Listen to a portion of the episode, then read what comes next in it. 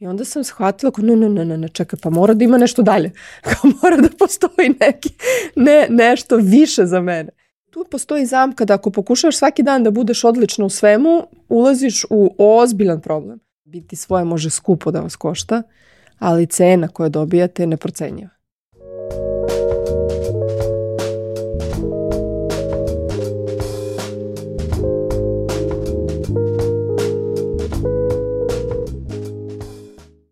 Dobrodošli u Fusnota podcast. Ja sam Aleksandra Petrovski, vaš vodič kroz radoznali svet multipotencijalista. Mecena Fusnote je zanatski pečena pržioničar kafa koja vas vodi u avanturu aroma i jedinstvenog ukusa. A novi Amiko podcasta je Culke, globalni provajder inovativnih usluga. Hvala im za ovaj vetar u leđa, takođe hvala i svim ljudima koji su jednokratnim donacijama na Paypalu podržali dalje kreiranje Fusnote kako da i vi to učinite, saznajte u opisu ove epizode. Moja današnja gošća je sociolog konfliktolog sa desetogodišnjim iskustvom rada u velikoj reklamnoj agenciji. Moskvu je zamenila Beogradom, a direktorsku poziciju ulogom transformativnog kouča. Elena Strazetić-Frleta će iz ličnog iskustva, ali iz iskustva rada sa brojnim ženama, govoriti o transformaciji. Elena, zdravo i dobrodošla. Ko si u suštini ti kada sklonimo sve tvoje poslovne titule i one koje su dobijene obrazovanjem? Pa znaš šta, uh, ja radim na tome da budem neko ko u suštini inspiriše. Inspiriše i podržava, osnažuje i verovatno na neki način vodi ljude ka tome da ostvaruju ono što zaista žele i u što zaista veruju. Um, znaš, razmišljala sam puno o tome da uh, kad sam bila mala, pošto sam odrastala faktički između dve države i na preseku dve kulture, ruske i srpske, koje su dosta slične, a opet su različite. E, nekako stalno sam pokušavala da se uklopim negde. I pošto sam otišla u Rusiju kao jako mala, e, osetila sam to prvo neuklapanje u okolinu kad sam krenula u školu. I onda sam se jako, jako kao dete trudila da se uklopim, da se svidim svima, da ne štrčim i tako dalje ali nekako koliko god sam se ja trudila da se uklapam, uvek sam bila nekako neprihvaćena negde. Tamo zato što sam bila strankinja, ovde kad bi došla kao kod sebe kući, svi su me zezali kao ruskinja, mala ruskinja. I nekako ja sam kao jako mala već shvatila da što se više ja trudim da se uklopim, to se gore osjeća. Tad nisam znala reći kao izdati sebe i, i, i ne, ne, nisam shvatala kako bi to da nazvala, ali sam znala da se loše osjećam. I onda sam počela da se trudim da se više ne uklapam, nego kao da, da, da, da na neki način gradim svoje stavove i svoje ponašanje shodno onome kako se ja osjećam u tom trenutku. Tako da sam postala svoja, da tako kažem, i kao jako malo su mi govorili ja ona je toliko svoja, ali to je bila neka konotacija negativna da. u tome kao ona je tvrdoglava ili bandoglava ili uporna preterano. A zapravo, eto, bila sam, našla sam put da je od tog uklapanja postanu nekako svoje. Zaboravila sam da te pitam pre početka ovog razgovora, da li zapravo da, da sada ti se obraćam kao Elena ili kao Jelena? Kako god je tebi zgodno, ja sam Jelena. Ja sam e, u ličnoj da, karti da, da. Jelena, međutim, pošto sam u Rusiji bila i na fakultetu i pokretala tamo poslove i tamo sam registrovala prvu svoju firmu i tako dalje, ja sam svugde bila registrovana kao Elena, pošto je Jeljena na ruskom i onda mi to kad sam došla ovde nisam ceo taj proces menjala i nisam preoformljavala su svoju dokumentaciju i ostala sam Elena. Pogotovo što radim puno sa strancima i onda Lačnije. i englezima i rusima mnogo lakše da te zovu Elena nego da te zovu Helena ili Jelena ili kako god bi me drugačije zvali. Meni je bilo vrlo simpatično kada prošli put kada smo razgovarali na sličnu ovu temu, što si rekla kao ha, kada sam Elena, onda ja znam da je to u nekom, da kažem, poslovnom okruženju. Jest, tako jest, je. Jest. I zato sam se sada pitala kao ha, da li ja sad razgovaram sa Elenom ili sa pa, Jelenom? Pa u principu da, za mene je to nekako postala tačno granica da sam Jelena Jelena za nekako svoje i porodicu, a da sam Elena u profesionalnom svetu i da kad mi se tako obraćaju, odmah se uključuju u meni profesionalni nekako deo mene. Da, da ovaj, čak i, i na knjizi koje, nedavno koju si objavila, je, si potpisana tako, Elena. Tako, tako da imaš neki autorski pseudonim. Jeste, skoro, pa jeste, pa tako. jeste, jeste, može i tako da se kaže, jeste. Jeste, svesno sam to tako uradila zato što sam htela da postoji neka consistency, što bi rekla, da. U svemu što radim i da svugde bude isto ime i prezime, da se to barem ne menja. A, e, da se vratimo samo nekoliko koraka nas već, već si spomenula to da si ti praktično živjela na relaciji Beograd-Moskva, odnosno više na neki način uh, u Moskvi, tamo si završila uh, studije, magistrirala mm -hmm. na Lomonosovu i ti si uh, po svom formalnom uh, obrazovanju zapravo sociolog, konfliktolog, tako je li tako? Tako um, kada si zapravo radila si u marketinškoj agenciji dugo godina, kako je izgledalo kada si prvi put u praksi u stvari počela da radiš ono o čemu si učila? Ovu temu podržava Gerbruder Weiss, najstarija transportno-logistička kompanija na svetu, čiji je slogan Mi pokrićemo svet. Pa jeste moj, ja još kad sam bila na fakultetu, ja sam stalno volontirala negde i prvo sam volontirala u biblioteci na Lomonosovu, A posle sam, na, kad sam bila na magisterijumu, volontirala sam u Ruskoj akademiji nauka. I tamo sam faktički prvi put primenjivala svu onu teoriju i ono teoretsko znanje koje smo mi sticali na praksi i zaista smo izučavali kako da, kako iza nekih cifara koje mi gledamo zapravo stoje ljudi sa nekim uverenjima, strahovima, mišljenjima i tako dalje.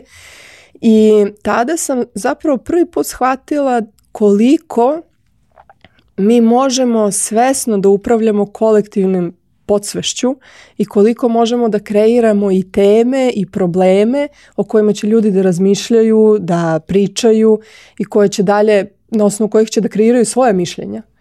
Tako da eto, to je bio moj prvi dve godine sam tamo volontirala i to je bio moj prvi susret sa e, zaista sociologijom u primjeni na praksi kako to sve izgleda. I posle sam već počela u 21. godini sam krenula da radim u Sačin Sačiju u reklamnoj agenciji. Tamo sam isto, isto to znanje primenjivala, ali malkice iz drugog ugla, zato što nismo toliko svesno kreirali možda neka mišljenja, ali smo kreirali trendove. I radili smo na brendovima koji su pokretali trendove. Tako da opet smo mi bili u tom nekom upravljanju kolektivne svesti na neki način. Tako da i ta sociologija je definitivno našla primjenu u mom radu kasnije. A taj segment konfliktologije je zapravo možda bila neka moja unutrašnja potreba da stalno primirujem neke dve različite aspekte, strane, delova mene i onda sam zaista imala jako dobru praktičku primenu toga na poslu kad moraš, ti kao ja sam bila account i ti kao kad radiš u departamentu, account departamentu, ti si faktički granica između agencije i klijenta. I ti sad štitiš interese agencije ispred klijenta, a štitiš interese klijenta u agenciji. Tako da si ti stalno na toj klackalici, stalno moraš... Mirovna misija, tampon zona skoro. tampon zona i stalno moraš nekako da balansiraš, da ne izdaš svoju agenciju, da ne izdaš interese klijenta, da svi budu zadovoljni, a opet da nekako i mi profitiramo i da agencija bude zadovoljna na kraju kampanjom koja je plasirana, tako da te tehnike pregovaranja i, i rešavanja nekih kriznih situacija su i tekako imale primjenu dalje tih deset godina što sam radila u account departmentu. E, iako formalno tvoje obrazovanje nije iz oblasti marketinga, na kraju si bila u tom kontekstu pravi čovjek na pravo mesto. Jeste. Iako govorimo o tom formalnom obrazovanju, kako da ga primeniš. Nećemo se previše zadržavati na, na tvom agencijskom životu, on je trajao u sači deset godina. Tako je. E, ali razlog zbog koga e, glavna tema, zašto smo se nas dve okupile za ovim stolom, e, su zapravo promene odnosno mhm. -huh. transformacije e, na, na neki način. Ja sam ti prvo kao promene i onda sam shvatila da možda promene ne zvuči dovoljno duboko, duboko i snažno uh -huh. i zapravo ne opisuje e, konkretno ono o čemu ja želim da razgovaramo sada, a i kroz ono što si ti prošla kao osoba um, i, i kao porodična žena uh, i kroz ono, kroz ono što, što je sada tvoja praksa uh, zapravo u poslu da postavimo samu situaciju. E, dakle, e, ti sa porodicom, sa suprugom i u tom trenutku jednim i po dete, odnosno jednim e, i drugim na putu praktično i, ovaj, i čerke rođena zapravo tako u Moskvi, tako, tako da. tako je. A, odlučujete da se preselite, da napustite svoje poslove i da se preselite u Beograd. Uh, ne mogu da kažem da se vratite, kako god da to ne znam da se preselite uh, u Beograd. Ti si tad u tom trenutku na mestu regionalnog account direktora, tvoj suprug je dugo godina u oblasti bankarstva i financije, takođe na nekim visokim i značajnim pozicijama i sad to zvuči kao, ha, to je jedan moment koji se preseče i tako dalje, ali ja bih voljela baš da, da pričamo e, gde, te, gde kreće zapravo ta, ta, ta, ta potreba za, tom, za tim velikim, za tom velikom promenom, odnosno transformacijom. Mm -hmm. I, i, i neposredno iskustvo oko toga kao ovaj, i kasnije vaš, vaš dolazak u Beograd. Pa da budem iskrena, ja sam uvek nekako duboko u sebi jako želela da kad se ostvarim kao majka, da moje dete ili deca rastu u, u Beogradu, u Srbiji, nekako da budu svoji na svome. Možda baš zato što ja nisam odrastala kući, da tako kažem. E, ja sam imala strašnu tu neku nostalgiju i strašno sam se radovala kad sam dolazila u Beograd preko leta i ovde sam provodila svako leto i imala sam taj osjećaj velike porodice, doma i da si deo nečeg većeg. I onda meni to strašno prijelo. Ja sam nekako još tek kad sam razmišljala o detetu, ja sam mislila nekako bi ja da to nekako posložim tako da mi možemo da budemo dole. I onda sam, kad sam već bila trudna sa sinom, prvim našim detetom, e, napravila nešto što nije bilo apsolutno nikome logično, osim mene. E, Mario me, hvala Bogu, u tome podržao. Uh, ja sam na sedmom mesecu trudnoće uh, dobrovoljno raskinula ugovor sa agencijom i dogovorila se da ću ja za godinu dana da im se javim da vidimo da li se vraćam ili ne, tako da sam, tu sam na neki način ostavila otvorena vrata za sebe, ali sam donela odluku da se preselim u Beograd, da renoviramo stan i da se ovde porodim. Iskreno rečeno, svi su se hvatali za glavu zato što E, tamo sam imala medicinsko osiguranje, imali smo već stan, imali smo nekako sve bilo posloženo, ja sam kao došla ovde na prazan, čist list. I ali meni je toliko bilo lepo unutra, ja sam toliko bila nekako sretna što se to stvarno dešava, da, da mi je to nekako davalo stvarno tu neku snagu i želju da, da nekako postrojimo ovde naš dom. Da bi, da bi bila priča još smešnija, baš u tom trenutku Marija dobija jako dobru poziciju da radi u Moskvi i on se vraća u Moskvu, a ja ostajem ovde sa bebom koji ima mesec dana. Međutim, mi smo se tako dogovorili da ćemo, mi jedno vreme ću biti ovde dokle baš zima i hladno, dokle beba jako mala, da dobijemo sve vakcine, medicinski pregled i tako dalje, pa ću kao da putujem, bit ću i tamo i vamo. I tako je bilo, tako da sam ja polako sa Lukicom krenula u taj put promena, I definitivno je on bio najveći katalizator mojih nekih promena. Ja sam sa njim počela da shvatam da šta god ja dalje budem radila, to mora da ima nekog velikog smisla za mene. Zato što ja sam se toliko ostvarila i našla sebe u toj ulozi majke da je za mene moralo da postoji neki ozbiljan argument da bi ja njega napustila i to vreme posvetila nečem drugom. I onda sam počela da istražujem šta bi to bilo drugo, zato što ono što sam radila pre, ja sam jako to volela i tu dinamiku i tog sveta u kom sam bila uh, i bila sam dobra u tome, zapravo to je bilo jedino što sam stvarno umela dobro da radim. Um, ali sam nekako u, duboko u sebi shvatala da ne vidim sebe dugoročno više u tome, zato što svako ko je imao i bilo kakav dodir sa reklamom i marketingom i celom tom industrijom shvata da je to posao po 12, 13, 14 sati. Tu se stalno sve menja, ti moraš da si jako prisutan, fleksibilan, otvoren, dostupan i tako dalje, a ti kao mama male bebe to je postaje mm. poprilično izazovno. I onda moraš stalno, imaš osjećaj da nekog izdaješ ili izdaješ njega zato što ga napuštaš ili izdaješ uh, ljude koji računaju na tebe. A na kraju dana izdaješ sebe. I na kraju dana izdaješ na sebe. Tako da tu sam ja već polako počela da razmišljam šta bi to moglo da bude i onda u stvari sa, o tome baš pišem i u svojoj knjizi, u stvari iz velike želje da njemu budem najbolja mama, Ja sam počela da čitam puno knjiga, da idem na različite seminare, počeš i od pozitivnog roditeljstva, preko Montessori metode, preko uh, coaching za roditelje, sve živo što sam mogla, ono, pomozi mi da uradim sam, znači sve što sam mogla da nađem uh, kako bi njega nekako podstakla, kako bi bila super open-minded majka i tako dalje. I onda sam kroz to u stvari došla u coaching i shvatila da postoje metodologije i tehnike koje nam pomažu da rešavamo neke situacije i da nije sve crno i belo i da postoji način da se nešto reši i ne ostavi traga i tako dalje. Tako da tu sam videla neki prostor za moj lični rast i tako sam promenila i ja profesiju. Ali zapravo sam je promenila, uh, završavala sam Erikson univerzitet kad sam već bila trudna sa drugim detetom. U Moskvi to je U Moskvi, tako je. I kad se ona rodila, ja sam nekako dobila već tu, ne, ne znam kako to da nazovem, možda hrabrost. Da sve to što sam učila i o čemu sam razmišljala pretvorim u realnost. I onda smo seli i pričali kao kako, kako mi vidimo naš život generalno. A da ne pričamo o tome da sam ga stalno na njemu isprobavala sve svoje tehnike i on mi je bio kao zamorče. On to mnogo, mnogo slatko sve opisuje i zabavno. Uh, I onda smo seli i kao razmišljali, ok, kako ćemo, kako bi mi voleli da živimo? Ajde, koja je naša neka idealno? I malo ljudi postavlja zapravo to pitanje. Na taj način, jest. onako kada iskreno, pogotovo kada razgovara sa partnerom.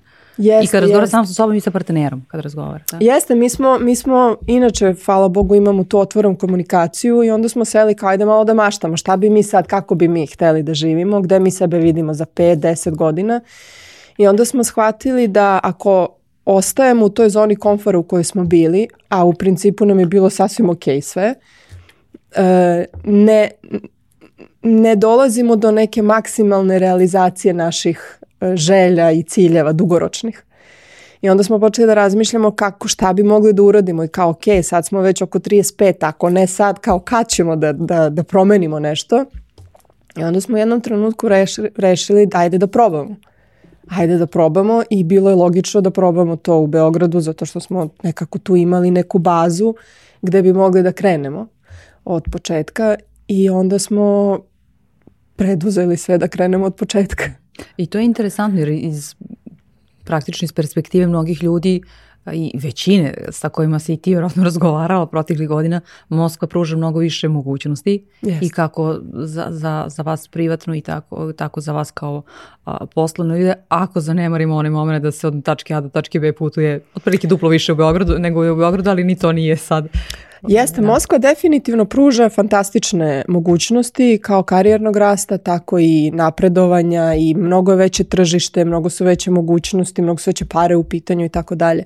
Međutim, ako sve to stavimo sa strane i sagledamo kao naš koncept života, kako bi mi voleli da živimo, nama je bila suština da mi radimo nešto što volimo, uh, da pokrenemo neke svoje projekte ili svoje poslove koji će nam dati mogućnost da budemo maksimalno mobilni i da svojoj deci možemo da priuštimo upravo to da budemo recimo leti po tri meseca na moru sa njegovim, e, kod njegove porodice, da budemo, da možemo da putujemo i paralelno da odrađujemo svoje poslove i da nekako i zarađujemo i napredujemo i tako dalje.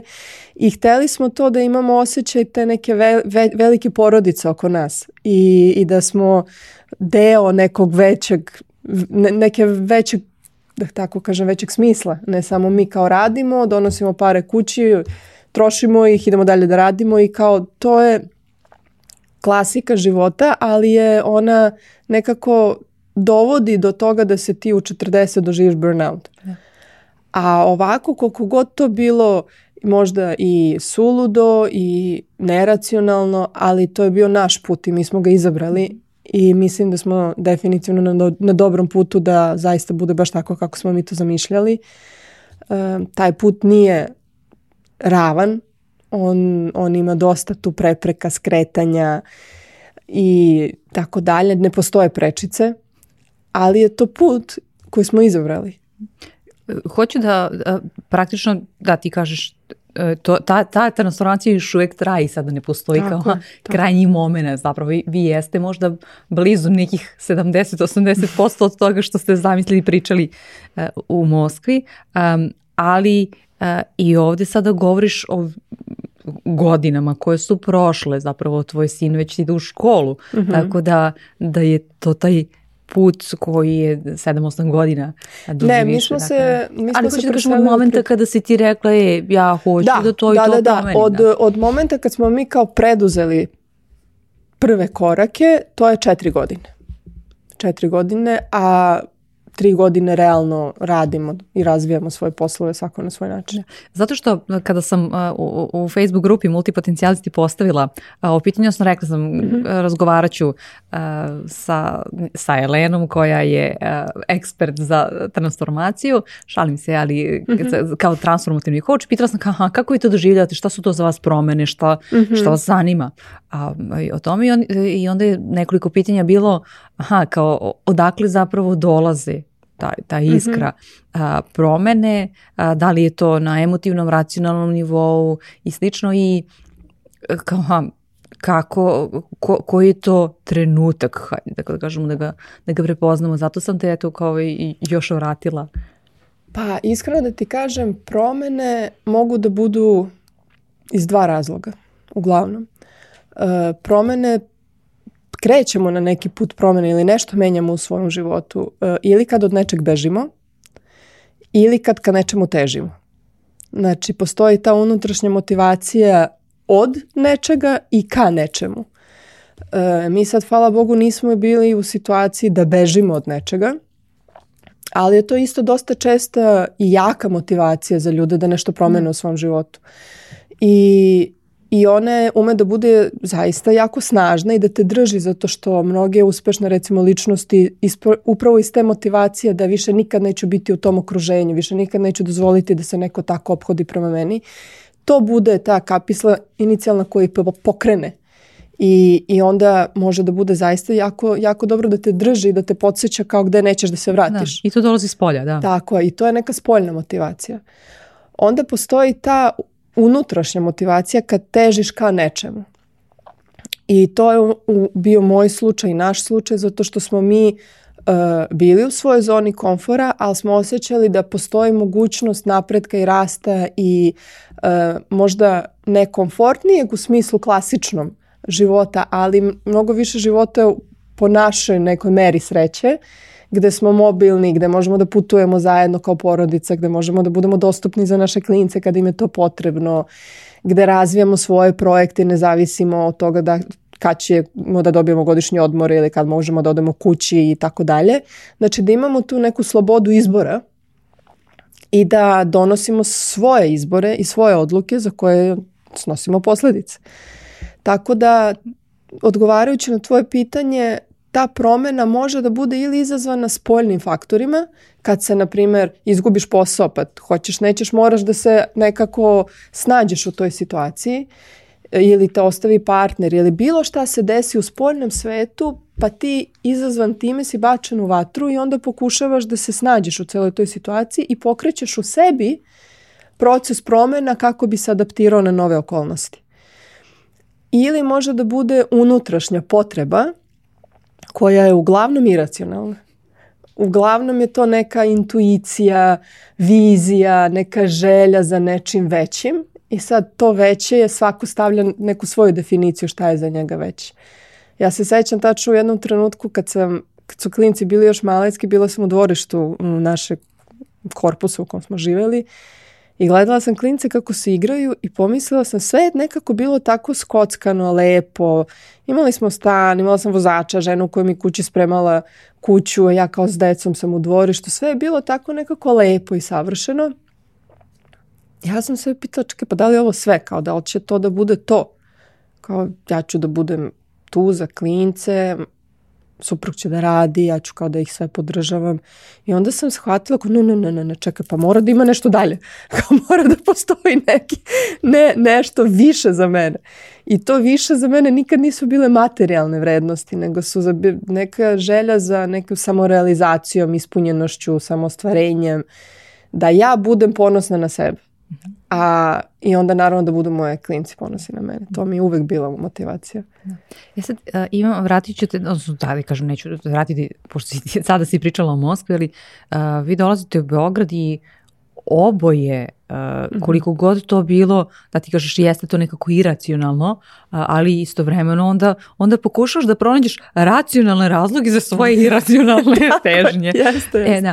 I um, oboje pravite velike promene. Prvo to kao preseljavate se, što sa, samo po sebi kada preseljavaš porodicu sa jednog na drugo mesto i, i tako razliko, ni, bez obzira koliko vam Beograd bio poznat, nije tako jednostavno. Vi sada na, učite da živite. Mm -hmm. Ovo je potpuno, to je jedno. A, drugo, a, i ti krećeš da, da radiš na pokretanju svog a, novog biznisa, Mario takođe čak i da je zasebno samo jedan partner, to je ogroman mm -hmm. stres, a kamoli uporad. I sad, eto, interesantno, ja sam prvo zapravo upoznala Marija, pa sam, pa te on preporučio, govoreći o tome koliko si zapravo uh, ovaj, u, svom tom njegovom pokretanju uh, biznisa ti, ti njemu značilo upravo, rekla ti si malo pre spomenula, uh, eksperimentisala sam na njemu.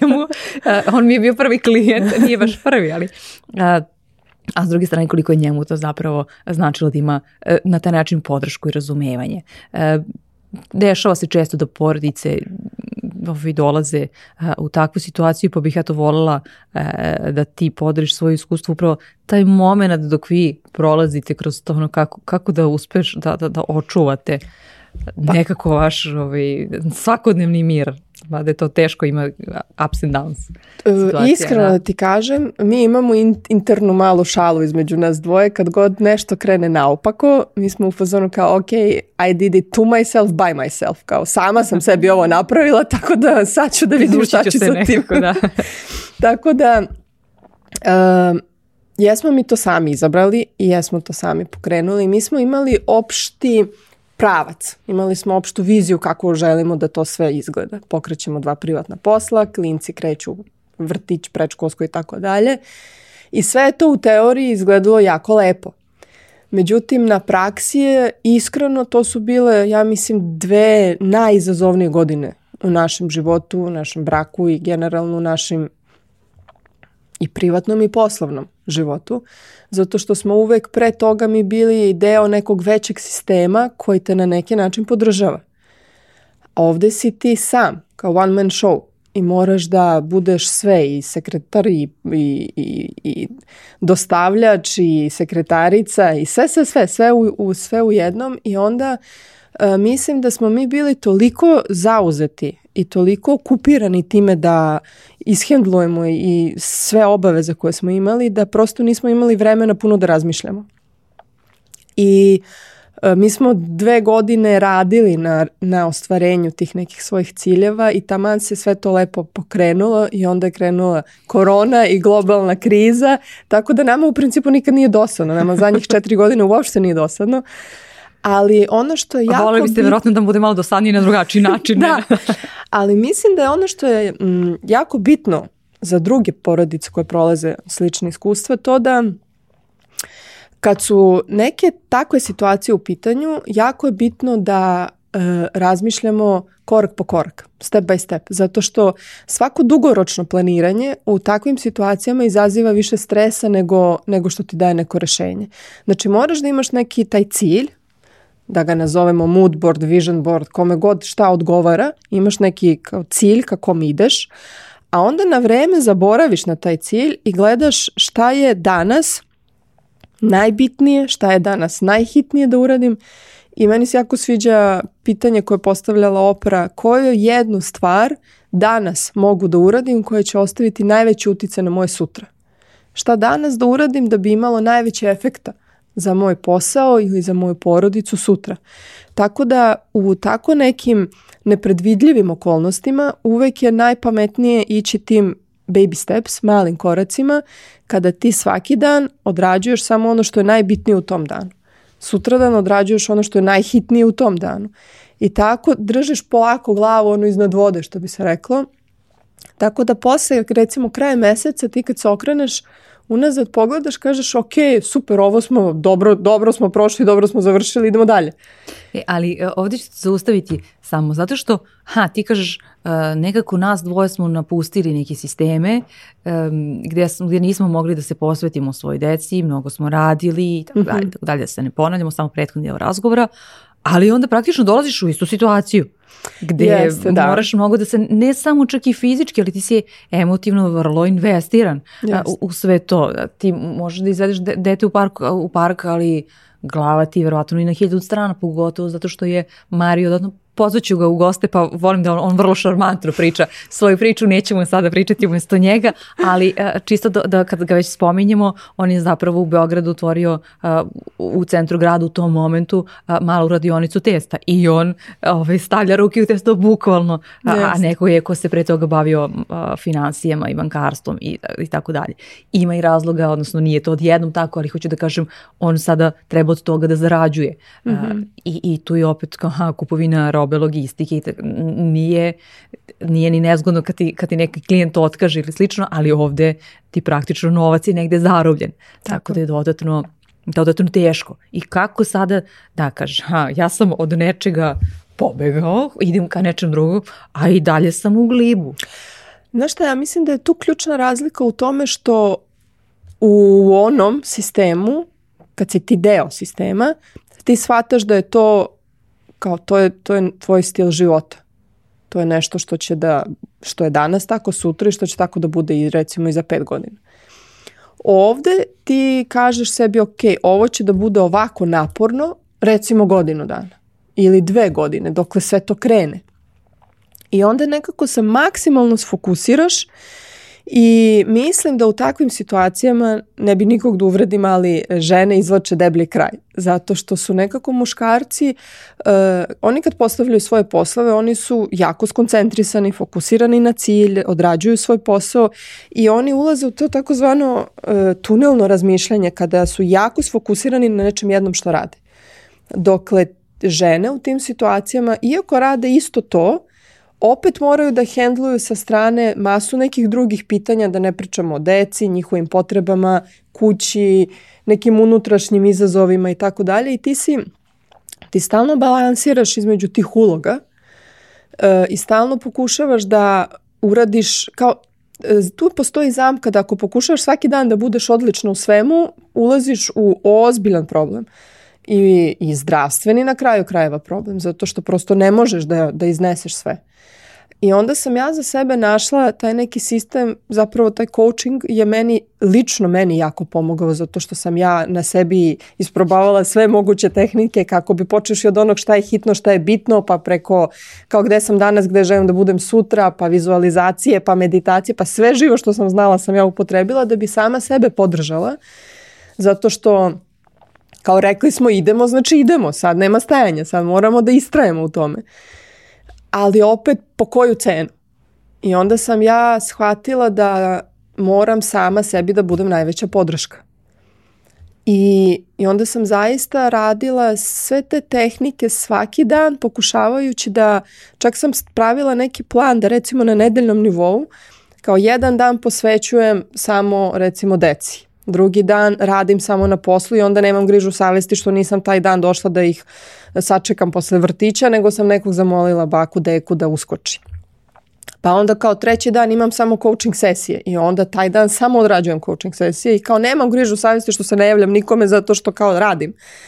Pa onda imamo dan za nabavke, imamo dan za neke kućne poslove, imamo nabavke za, nje, za make lokove, tako dalje. Tako da sam, pravila sam tako da svaki dan se nečem, jednom nekom cilju posvećujem, tako da... Staviš drugi šešir neki. Tako je, tako da na kraju nedelje sam u principu ok, kao pokrila sam sve uloge, možda nisam perfektna u svima, ali kao good enough. Dovoljno dobra, da.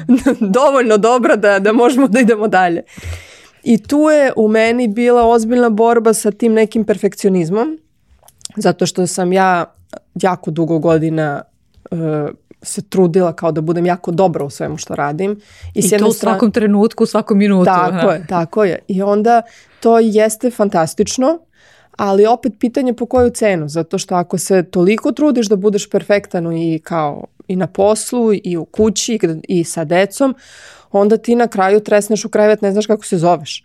I onda sam ja počela da, da polako ubacujem taj neki ženski princip um, iz jednog onako jako intenzivnog muškog principa sam polako počela da usvajam taj ženski princip gde uh, biram bitke koje ću da bije, uh, gledam šta mi je u tom trenutku najbitnije, ne može sve da mi bude podjednako bitno. Uh, ako su mi deca u tom trenutku bolesna, ja stavljam fokus na njih, sve ostalo može da sačeka.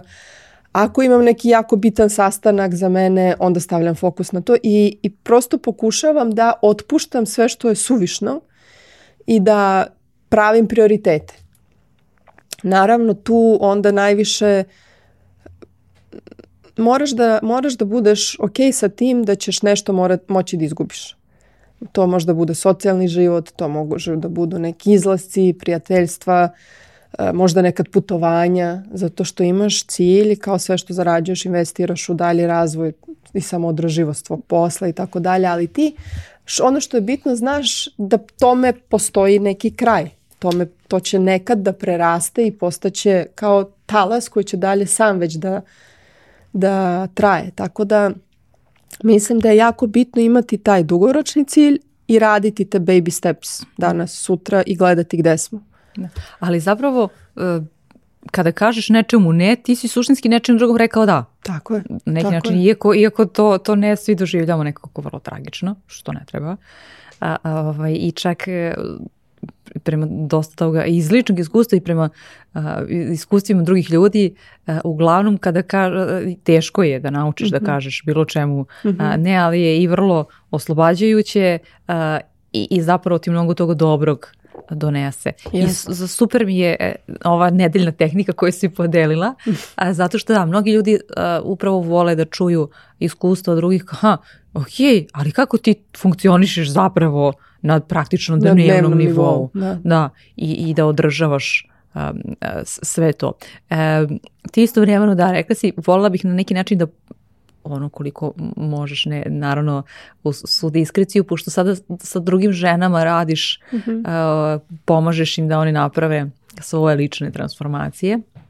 Pa eto, uh, da, da nekako podeliš i takvu vrstu, pošto sad imaš veći uzrak nego sebe same. da. da. šta je tu, uh, šta si ti nekako, ha, jer radiš i sa ženama i iz Srbije i iz, iz Rusije, mm, šta si nekako primijetila da je posebno, hajde da kažemo, pošto se obraćamo ovom govornom području, karakterističnije za, za žene e, iz Srbije i iz regiona kada prolaze e, čitav taj proces. I uglavnom kada smo pričale, ti si mi navodila e, primere nekih žena koje su u nekim poznijim godinama, pa odlučuje da se malo dodatno posvete sebi i da rade neke stvari koje nisu radile mm -hmm. pre i tako dalje. Pa, um Znaš kako, ja mislim da u principu ne postoji velike razlike između žena uh, u Rusiji kod nas, zato što svi imamo u, na generalnom nivou bijemo iste bitke. I ja sam te probleme ili da tako kažem zahteve sa kojima ljud, žene dolaze kod mene zapravo i sistematizovala u te četiri uloge pošto sam kao sociolog i stalno tražim neku strukturu u svemu i pokušavam da napravim neke hipoteze koje posle ili potvrđujem ili ne. I ja sam uh, duže vreme, jedno četiri godine, pošto posle svake sesije ti pišeš uh, feedback ili ti raport. I ti onda pišeš sa kojom temom je došao klijent, pišeš tehnike koje si ti preduzimao u radu sa tim klijentom i gledaš koliki je bio progres. I to je jako bitno kako za mene kao kouča da vidim koliko napredujemo, tako i za klijenta pošto znao gde je bio, gde je sada i vidi neki cilj gde se kreće i onda osjeća te progres. To je jako, e, jako dobro deluje i na unutrašnju neku motivaciju i tako dalje. I onda sam ja u jednom trenutku sela, shvatila sam da postoje neka ključna pitanja koje sam ja podelila uh, sa kojim žene dolaze i ta ključna pitanja sam podelila po četiri uloge. Sad ću da ukratko ispričam. Znači, iz uloge čerke, kako ja to zovem uloga čerke, mi se tu uglavnom vraćamo u prošlost i uglavnom dolazimo sa nekim temama koje vučemo iz detinjstva. I tu su najčešće neki strahovi koje smo usvojili i sa koji nam otežavaju život ili uverenja koje su većom većinom destruktivna ili neka, ne daj Bože, već i traume koje nas e, prosto drže i ne daju nam da prodišemo i da krenemo i da iskoračimo i tako dalje. Tako da sve što se odnosi na neki način stečeno iskustvo i stečeno znanje sam ja stavila u tu ulogu čerke, o njoj sam isto pisala, gde mi radimo na promeni tih uverenja i radimo na istraživanju u coachingu. Mi u principu ne, ne idemo duboko u prošlost, uvek gledamo da idemo u napred, ali je jako bitno da imamo neku polaznu tačku. I to tačku. se razlikuje od uh, psihoterapije, i psihoanalize. Tako, da. tako je. Ali sam uh, ja svesno donela tu odluku zato što sam shvatila da jako puno žena dolazi sa potrebom da izađe iz toga, a da bi izašla mora da ima neku jaku motivaciju. I tu motivaciju mi nalazimo kroz vizualizacije i tehnike koje su usmjerene na budućnost, ali moramo da znamo gde smo sad. Mm -hmm. Uh, isto tako tu dolazimo u situaciju kad nam je toliko toga uh, ja volim da porovodim tu paralelu sa ružom. Uh, znači mi dokle odrastamo kao cvet dokle cvetamo toliko uh, dobijamo nekih epiteta, definicija ko smo, kakve trebamo da budemo, kako treba da se ponašamo, šta znači biti dobra čerka, šta znači uopšte biti dobra i tako dalje, da mi sve te e, tuđe mišljenja projektujemo na sebe i stvaramo i kao jedan puzzle iz kog kreiramo mišljenje o sebi i svoj identitet i sliku uopšte ko smo, šta Praktično smo. to je naše gledalo na neki način. Tako da, je, drugi tako ljudi su naše gledalo. I mi se kroz to šta nam kaže, počeši od mame, tate, vrtića, škole, kasnije kolega i tako dalje, kreiramo zapravo našu definiciju toga ko smo i koliko smo dobre u nečemu. I ali ono što je interesantno i kad se dešava ta transformacija je kad shvatimo da mi sada u svojih recimo 30 više nismo ona devojčica od 15 koja je nešto čula i to toliko, doži, toliko je potreslo da je, da je prosto promenila svoj identitet na osnovu tog mišljenja o sebi. Ili da se nešto nama, ne da Bože, jezivo desilo neko iskustvo koje nas je nateralo da poverujemo da ne zaslužujemo bolje, da nismo dovoljno dobre, da tako i treba da bude i da onda kao i ne pokušavamo ništa da promenimo. I kad se desi taj pomak unutrašnji, a najveće transformacije se dešavaju u tišini, kad smo sami da. sa sobom, uh, onda shvatimo da, ok, možda ja sad imam pravo da promenim stav. Imam pravo da se predomislim. Imam pravo da kažem, ok, nisam više ta devojčica i ne možeš sa mnom tako da razgovaraš i ne možeš tako da se ponašaš i da počnemo da biramo priču koju pričamo o sebi. Zato što svi mi možemo da dozovemo iz svoje prošlosti lepe i loše uspomene. Ali čak možda ne, ne i da kao, ne moramo nužno to da kažemo tako da se postavimo zapravo, da imamo takav stav, ne možeš tako sa mnom da razgovaraš ili to što govoriš ili kako se ponašaš više ne utiče na mene. Tako je, tako je. Zapravo kad puno pričamo, malo delamo, tako da, da je bolje da pokazujemo svojim što bi ponašanjem. Rekao, što bi rekao jedan moj drug, mnogo zujiš, malo me da daješ. tako je, tako je. Um, tako da to je bila jedna klasifikacija, znači to da smo, o, da smo ok sa svim što nam se desilo, da na svoju prošlost i sva iskustva, kakva god ona bila, doživljavamo kao lekcije i čak negativne iskustva um, koje uglavnom nas negativne iskustva najviše promene, no, najviše no. nas nekako nateraju da se uh, da, da preosmislimo naš sistem vrednosti, da, da se mi promenimo ili ojačamo i tu dolazi do, do promene karaktera ili lomimo karakter ili jačamo karakter. I onda mi biramo koju priču ja želim, št, koje definicije mene, meni sada me osnažuju, a koje mi više ne prijaju i neću, neću na takav način više sebe da doživljavam. Tako da to je bio jedan veliki segment koji sam ja grupisala i koji završamo na toj ulozi čerke, pošto svako od nas se rađa kao nečija čerka, ali mi možemo da biramo priču koju ćemo u sebi da nosimo ceo život. Uh, I ne mora odgovor na pitanje čija si ti da bude definicija tebe. Da. To je ono što je meni bilo jako bitno. Onda sledeće je... Ili od kojih si ti što bi rekli tvoji. tako je, od kojih si ili čija si. Sad po, po tom odgovoru već tebe definišu. Kao ona je ili, ili iz dobre porodice ili nije i sad a priori ona ili dobra ili loša. i ne daju ti uopšte mogućnost da ti se sama postaviš i, i nekako pozicioniraš u društvu. Tako da to je veliki, pogotovo za žene Balkana, tu ima ozbiljno, ozbiljno onako uticaj i mislim da je to jako bitno da sa tim na početku raščistimo. Onda dalje je uloga partnerke ili supruge gde jako, jako velik deo pitanja u stvari dolazi od to kako da funkcionišemo u paru, a da opet ne izdajemo sebe, kako da se postavimo, kako da komuniciramo, kako da kažemo partneru da mi nešto prije ili ne prije, a opet da se ne bojim da ću da budem ostavljena, napuštena, izneverena i tako dalje. I tu dolazi opet do, uh, ako smo raščistili sa onim prvim delom i s uverenjima i imamo već zdravo postavljen neki svoj sistem vrednosti, onda je jako bitno da napravimo tu komunikaciju u kojoj, koja će da bude dovoljno otvorena, a opet da nama ne upravljaju strahovi. Um, ja sam baš to i napisala da najveći neprijatelj ljubavi je strah. Zato što mi iz najveće želje da budemo voljene, prihvaćene i tako dalje, mi izdajemo sebe. Pokušavajući da budemo nekome dovoljno dobra, mi smo najgore po sebe. Pogotovo kad ulazimo u E, partnerske odnose kao jako mlade i kao što su recimo naše majke i bake, ti još nisi stvorila uopšte nikakvu svoju sliku o sebi, ti si već nečija supruga ili devojka ili verenica kako god i ti se već tu opet pokušaš da se uklopiš u nečiju porodicu, u nečiju sistem vrednosti, u nečija pravila igre i stalno pokušavaš da nađeš svoje mesto u tome. vremeno svesna da, da, da treba da, da vi funkcionišete na duge stasi. Tako da. je. I ti onda sad je nama iskreno mnogo lakše nego što je bilo našim bakama da. i majkama koje su živjele u zajednici. Ti opet, opet najmlađa si, tuđa si, moraš da se nekako prilagodiš.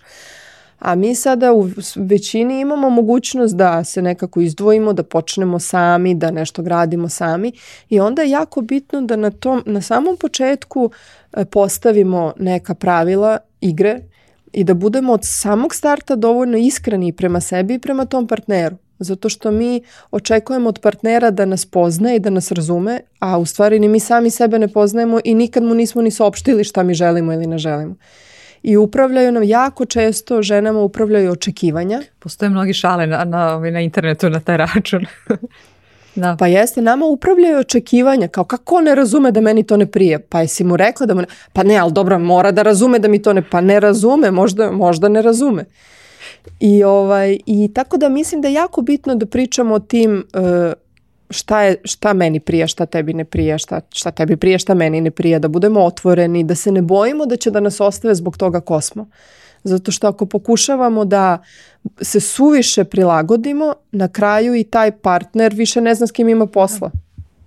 E, imala sam, imam i ja nek svoj šalu na tu, na tu temu, ali imali smo dosta i u praksi primjera kada se sretnu dvoje i recimo muškarac zavoli ženu koja je jako ambiciozna, karijeristkinja, koja je jako uspešna i tako dalje. I onda ona iz prevelike ljubavi i želje da ugodi muškarcu koji je isto dominantan, ona po, polako zapostavlja svoje poslove, zapostavlja ambicije, zapostavlja karijeru, pretvara se u nešto što nije, nešto što njoj ne odgovara. I tako funkcioniše neko vreme i neko vreme se poistovećuje sa njegovim uspehom, međutim kroz neko vreme shvata da ok, gde sam ja u celoj toj priči? I onda niti je ona srećna, projektuje na njega svoje frustracije zato što ja sam to zbog tebe sve uradila, A on sa punim pravom kaže, ali ja to od tebe nisam tražio. Da. Ja nisam ništa zahtevao, ti si to sama rešila. I onda tu dolazi do, do takvih dubokih povreda i potresnih priča gde ti shvataš da čekaj, mi prosto od, od samog početka se nismo dogovorili. Da, skoro si podelila baš na, na, na Instagramu i uh, knjigu Demi Moore, koja je, je njenu vrlo potresnu ispovest. Jest, jeste. Da. Mene je, mene je oduševila njena iskrenost i i to koliko je ona otvoreno pričala o tome koliko mi kao žene, nezavisno od toga koliko smo lepe, pametne, uspešne, poznate, smo u stanju da postanemo neprimetne ka, i, i totalno zapostavimo sebe kako bi ugodili partneru. I sve to radimo u nekom trenutku života. Samo je pitanje kada je, kada ti staviš tu crtu, kada kažeš čekaj sad polako, sad, sad u principu sam više ok da budem sama, nego da budem u odnosu u kome nema mene. I pogotovo za mlade devojke koje počinju svoje partnerske odnose, e, mnogo, jako boli izgubiti drugu polovinu. Ja, zaista boli. Ali mnogo više boli da izgubite sebe. Zato što ako ste vi verni sebi, ako imate svoj neki integritet, ako znate kosti iza čega stojite, pa pojavit će se neko ko će baš vas zavoleti i koji će baš vas podržavati, koji će vam se diviti zbog toga. I ne morate da se umanjujete da bi bile nekome udobne. Bolje da budeš sam nego u lošem društvu. Da? Tako je, ja sam se uvek bilo tim rukovodila. odnosima. Ne. Ja sam se uvek tim rukovodila i meni je to uh, opet možda na neki način davalo tu snagu da ako mi ne, nešto nije odgovaralo, ja sam odlazila. Ja sam jasno govorila šta mi ne odgovara, ukoliko čovjek to ne menja, ja sam odlazila i sa posla i sa, iz odnosa i svega. Zato što um, ne mogu da budem ok sama sa sobom ako lažem. Lažem pre svega sebe, lažem i tog čoveka i živimo u laži. A neiskrenost toliko iscrpljuje i neautentičnost toliko zahteva od vas energije. Da se mnogo više trudiš, da, Tako nego... je, toliko zahteva energije da se vi stalno trudite da budete nešto što niste i vi se iscrpite u celom tom procesu. I onda kada dođete do, kad uopšte osvestite potrebu kao da budete svoji, shvatite da vi ne znate od čega da počnete. Ne znate ni kakvu kafu volite da pijete, ni gde volite da putujete, ni, ništa ne znate. Kao gde, gde hoćeš da idemo, ne znam, gde kažeš. Tako da to je jako, jako bitno za žene da zato se moja knjiga zove Budi svoje, zato što uh, jako je bitno da budemo svoje. I, i da istrajemo u tome. Zato što uh, baš sam to, to je moja neka jedna od omiljenih citata, biti svoje može skupo da vas košta, ali cena koju dobijate je neprocenjiva. I vrednost koju dobijate je neprocenjiva. Tako da, mm, to mislim da je jako bitno, ta komunikacija, otvorenost, iskrenost i, i uopšte želja da traješ u dvoje, a da ostaneš celina. I, i da, i važno mi je što si ovo s jedne strane zato što a, rek da, da, da ni na koji način niti ova priča, niti tvoja knjiga nije usmerena protiv Ne, muškaraca. ne, ne. A, i samim, i- između ostalog, ti, ti to potvrđuješ ličnim primjerom jer imaš dobar partnerski odnos a, i velika si podrška svom suprugu kao i on, kao i on tvoja, a, a istovremeno imaš i dečaka i devojčicu. Tako je. Tako da je važno da nađemo neki balans za, za, za oboje, odnosno za oba pola. Jeste, tu I sve u svrhu da- da boljeg da- zajedničkog funkcionisanja. Jeste, definitivno. Moja knjiga apsolutno nije e, protiv bilo koga i mm, možda, možda zvuči kao feministička, ali zapravo nije. Zapravo ja mislim da je poruka i feminizma nije da, da treba biti protiv nekoga, nego da budeš veran sebi. Da. I to je ključ cele priče. Um, da se vratim na ona pitanja sa kojim dolaze žene, e, treća uloga koju e, na neki način e, prolazimo jeste uloga majke. Tu je sad bitno da kažem da to nije samo pitanje biološke majke koja je rodila, već i žena koje na sve moguće načine osnažuju i podržavaju i ljude i ideje u koje veruju. I to je jedna od uloga koja je isto jako bitna za žene, gde mi podržavamo nešto u šta verujemo, kroz to rastemo, preispitujemo se, pronalazimo opet neke nove delove sebe i na neki način se i tu realizujemo kroz uspehe tih ljudi koje volimo i podržavamo i dece, opet dolazi do neke naše unutrašnje ispunjenosti i samorealizacije. Ali opet i tu postoji ta zamka i linija gde, gde, gde, gde prestajem da bude majka i gde postajem ja, ja. I ko sam ja ako nisam nečija mama ili nečija supruga. I tu je jako bitna četvrta uloga koja je zapravo uloga e, samorealizacije, ja sam je tako nazvala. I mislim da je izuzetno bitno za žene da budu samorealizovane. Sad kad pričamo o tome ne mislim samo na karijeru, već na bilo šta što je za ženu bitno da, da istraje u tome. Ako je to crtanje, neka crta. Ako je to pevanje, da peva. Ako je to da pokrene neke ideje, da nađe način da, da ih pokrene na bilo kom nivou. Samo da ostvari svoju unutrašnju ambiciju i potrebu da bude viđena i da je čuju i da razmenjuje ideje i misli sa nekim. Zato što uh, sve ove ostale uloge, one su izuzetno bitne ali dođe neki trenutak u životu kada ostaneš sam sa sobom i kad moraš sebi da odgovoriš na pitanje koje si ti meni prvo postavila, ko si kada nisi ničija. I to pitanje ume jako da te uplaši. Kao čekaj, ja sam ceo svoj život uložila u decu, kao ko sam ja sad ako nisam savršena majka. Ili ja sam ceo život podržavala svog supruga i putovala za njim po celom svetu i sve podržala, čuvala mu leđa i kao ko, kako ja sad, ko sam sad ja? Pa njegova supruga. Ali zapravo sve ove ostale uloge možeš da se osjetiš da nisi dovoljno dobra ako nemaš ono čemu se ti vraćaš. I ta uloga samorealizacije je jako bitna izuzetno dolazi do izražaja u nekim kriznim situacijama kada vas ostavi partner ili u prirodnim situacijama kad deca porastu, otputuju, odu, stvore svoje porodice i ti ostaneš sam sa sobom i ne znaš, opet ne znaš šta bi. A ako si na bilo kom nivou odražavala tu neku svoju unutrašnju vatru, uh, imaš od čega da počneš opet. Imaš čemu da se vratiš. Imaš šta da, imaš kad si sama sa sobom, znaš šta bi.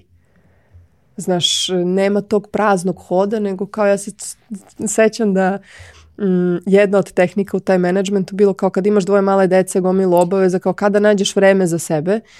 I onda sam ja pisala na papiru kao šta ću da radim kad imam slobodno vreme. I bukvalno prvo, to, ne znam, spavanje, drugo čitam knjigu, treće šetam, četvrto vežbam, peto ne znam još, javim se drugarici i tako dalje i onda sam bukvalno po tom spisku išla kao kad imam prazan hod, kad ne znam šta ću sa sobom, kao gledam, ok, imam 15 minuta, za 15 minuta šta mogu da stignem od ovog da uradim. tako da Da, nekad nam zapravo treba podsjećanje na, na to, iako... Jeste, jeste, ja sam to držala na frižideru. Iako su to neke obične stvari, životne, treba nam podsjećanje. Da, imam ja sličan takav spisak kao šta, šta u, u roku od dva minuta ili mogu da uradim ili ostalo. A, a ti si sticajem ko, koronnih, koronskih okolnosti imala malo više vremena na početku same pandemije kada smo bili pod lockdownom i tako dalje i tu je nekako um, nastala uh, tvoja knjiga, odnosno tvoje misli su pretočene um, i sve ono o čemu si i promišljala i pisala proteklih godina uh, su pretočene uh, u knjigu Budi svoja. Tako da, uh, eto, to je nekako možda i deo odgovora na pitanje šta si ti naučila od početka pandemije, uh, gde su svi naši, uh, pa mogu da tako kažem da ne zvuči apokaliptično, ali naš život se definitivno nepovratno promenio. Jeste, da. I, da. i, I ono što svi isto kažu, haha, u ovom trenutku praktično skoro svaki čovek na, na ovoj planeti, u zavisnosti od toga kako doživljava pandemiju, ali ima, suočavam se sa praktično istim problemom. Yes. A, tako da, šta su tvoje najveće, pa mogu da kažem, do sada, lekcije u, u dosašnjem delu pandemije? Ja, ja je ne proglašavam završenom. A, znaš kako, za vreme pandemije kad to tek počelo i prvih recimo pola godine su se dešavale toliko neke e, za mene strašne stvari i na koje ja nisam mogla da utičem, ali koje su me zaista jako duboko potresale. I onda sam ja imala e, iskreno rečeno potrebu da, da utišam spoljni svet kako bi bolje čula sebe. Zato što nisam mogla da, kad bi uh, kačila svoje mišljenje po, sve, po, po pitanju svega što se dešavalo, uh, mislim da bi ceo dan mogla samo da visim na nekim mrežama i da postavljam pitanja, odgovaram na pitanja. Ja sam uh, imala zaista potrebu da utišam sve što se dešava okolo i kao da se centriram i da da počnem da slušam svoje misli i da počnem da slušam odgovore u sebi na neka pitanja i onda kad uh, verujem da je jako puno ljudi u toj situaciji došlo do preispitivanja nekih svojih vrednosti i za nekom potragom za smislo možda čak, zato što kao ok, sve, mogu da, sve možda ti nestane, možda izgubiš mm. posao, uh, imaš deset kuća, ti si na kraju zaključan u jednoj ili u jednom stanu i ništa ti ne znači što ih imaš deset po celom svetu. Uh, to kao koliko si profesionalno realizovan i to je sad upitno zato što opet sediš u kući pričaš preko kompjutera sa svima. Uh, kao sve, sve je pod pitanjem. I onda sam ja krenula u tu neku introspekciju i, i svesno sam donela odluku da neću da gledam šta se dešava okolo, zato što mi to unosi samo nemir. I fokusirala sam se na svoj mali mikrosvet u koji su ulazile moje porodice, moje deca i moj posao koji isto u jednom trenutku bio zaustavljen pošto prva dva meseca smo Nisam svi bili u šoku reći, da. i nekako nismo znali uopšte šta ćemo sa sobom i onda je recimo neka zaista dva meseca je bila zaista tišina. I onda je ta tišina u meni pokrenula potrebu za pisanjem. Ja sam počela od jutarnjih stranica i počela sam od toga što sam počela da pišem kako se osjećam, o čemu razmišljam u tom trenutku, šta bi volila da promenim i tako dalje. I onda sam shvatila da je to pisanje za mene bilo, imalo jedan terapeutski efekat. I meni je pomagalo da se centriram i da strukturišem svoje misli i da isplaniram svoj dan, zato što kad ti se sve dešava u istom mestu, moraš da uneseš ozbiljnu strukturu u tome da bi sve to imalo nekog smisla. Pogotovo kad smo bili u lockdownu. I onda sam počela tako polako da sve to pišem. Pišem, pišem, pišem i onda sam shvatila da em što meni prija da pišem jer se ja kroz to regenerišem, osmišljavam, procesuiram sve što se dešava M su te moje misli koje su bile nekako razbacane počele da dobijaju neku strukturu, neki skelet. I onda sam se setila, čekaj, pa ja imam toliko tih uh, raporta, imam toliko te, te teorije skupljene na jedno mesto, ajde da sednem sad, imam vreme da sve to sistematizujem. I tu se u meni opet javio taj sociolog i ta potreba da tu statistiku, veliku količinu nečega pretvorim u neku poruku. I onda sam počela sa tim podelama po ulogama i tako je nastala ceo taj koncept o četiri ženske uloge i u svakoj od tih uloga sam opisala neko svoje lično iskustvo koje nikada nisam do tad delila zato što pisala sam već dve godine za Sensu kao kolumnistkinja, ali sam svesno izabrala put gde sam pisala iz, isključivo profesionalno i samo o tehnikama i nikad nisam delila neka svoja pretarano lična iskustva, zato što je moja bila poruka i smisao mog pisanja u tome da vama pomognem i čitocima da e, otvore svoje neka pitanja i da nađu svoje odgovore, a ne da im namećem nešto.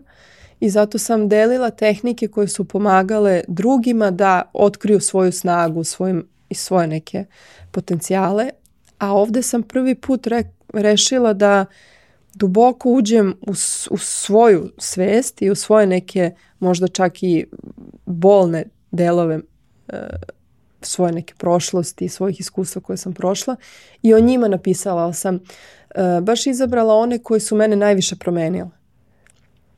I onda sam tako i strukturisala da u svakoj ulozi postoji moje lično iskustvo i posle postoje tehnike koje pomažu drugima da sami prođu kroz svoj proces isceljenja i ostavila sam i prostor za beleške zato što meni uvek kad čitam fali tog prostora i meni su sve moje knjige ispisane sa svih strana i onda sam u svojoj knjizi rešila da dam prostora za misli čitateljke da one napišu svoje, mm. svoje ideje, misli, pitanja, odgovore i tako dalje. Tako da za mene je to bilo zaista jedno lekovito iskustvo. Onda sve to što sam napisala sam nekako videla u tome smisao i rešila da to objavim, tako da je za mene ove dve godine su zaista bile u suštini jako produktivne. I napisala sam i objavila sam knjigu i sada je ona već postoji i već je čitana. Tako da za mene je pandemija utišala ceo svet i meni dala mogućnost da čujem sebe. A, a bez koje je veštine i znanje ili znanja ti ne bi bila ova danas Elena ili Jelena sa kojom danas razgovaram? Ja mislim da je upornost. Upornost i fokus um, fokus na nekom cilju. Zato što e, dešava se, imaš plan i sve kreće naopako, imaš neku viziju i čuješ sa svih strana da tako to neće da funkcioniše i to nikome ne treba i to je nepotrebno. I ti, ako nemaš u tom trenutku fokus i ne možeš da se skoncentrišeš na nešto što je tebi jako bitno, jako je lako da, da odstupiš i da nekako izdaš sebe. Tako da ja mislim da su za mene dve ključne, možda, da, možda ključne stvari bile upornost i moment kad sam pronašla svoju unutrašnju mudrost, glas svoje unutrašnje mhm. mudrosti uh, i kad sam rešila da ću više da slušam sebe nego druge.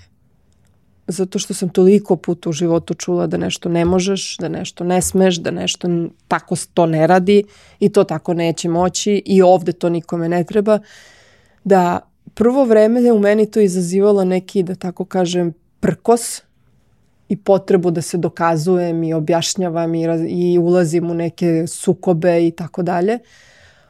A onda u jednom trenutku sam shvatila da više nemam potrebu za time i da najbolje dokaz mojeg mišljenja će biti moj rezultat. Tako da više nisam gubila vreme na to da nekome dokazujem i objašnjavam, već sam radila. I ta upornost i fokus na cilju, ja mislim da su najbitnije kad utišaš sve. I znaš, ono kao kad trčiš i ti ako gledaš gde je ko oko tebe, ti ćeš da se sapleteš i padneš, nema šanse. A ako se uopšte, kao da si sam na traci, e onda, e onda da pokazuješ mm. najbolje rezultate. Zato što nemaš ometače. Mm. Pošto si ti takođe jedna radoznala osoba, a, u, kao, kao a s druge strane si preduzetnica i uvek uh, se tu ima šta novo uh, naučiti, uh, da te podstaknemo i da, da i dodatno uh, ohrabrimo da nešto novo naučiš i pridodaš uh, svom već do sada bogatom uh, znanju. Fusnota podcast i Krojačeva škola ti poklanjaju godinu dana besplatnog pristupa online platformi za učenje. Hvala. Svima vama koji, koji pratite ovo usko ovaj, Fusnota imate 20% popusta na sve njihove kurse, tako da se nadam da ćeš još nešto dodati novo, a da, će, a da će ići, ovaj, da će dopriniti tvo, tvom vision boardu koji ispunjenju zapravo da precrtaš taj vision board da postaviš neki novi. Ali ili se uvijek zapravo tu doda neka nova sličica na već postoji. Pa ja svake godine pravim novi. Ja svake godine pravim novi gde se ponavljaju neke ključne vrednosti i ključni neki ciljevi, ali volim da ga obnovim zato što nekako i vidim gde sam bila i šta sam već ostvarila, a opet stalno se pojavljuju neke nove mhm. ideje, nove, nove, sad već nekako i deca su malo starija pa već imamo i neke zajedničke ciljeve i tako dalje, tako da on se upgradeuje svake godine. Dobro. E, hvala ti na ovom razgovoru. Kao što smo rekla, ovaj, čućemo i drugu stranu o, ove priče o porodici Farleta, a, ali o tom potom kad, kad Mario ovaj, bude bio raspoložen e, da, da ovde dođe, da sedne na ovu vruću stolicu. Još jednom ti hvala što si bila ovaj, moja gošća. Ja nisam stigla da pročitam tvoju knjigu Budi svoja, ali javit ću ti utiske. Kako hvala tebi. Hvala tebi. Prijetno. Hvala, dođenja.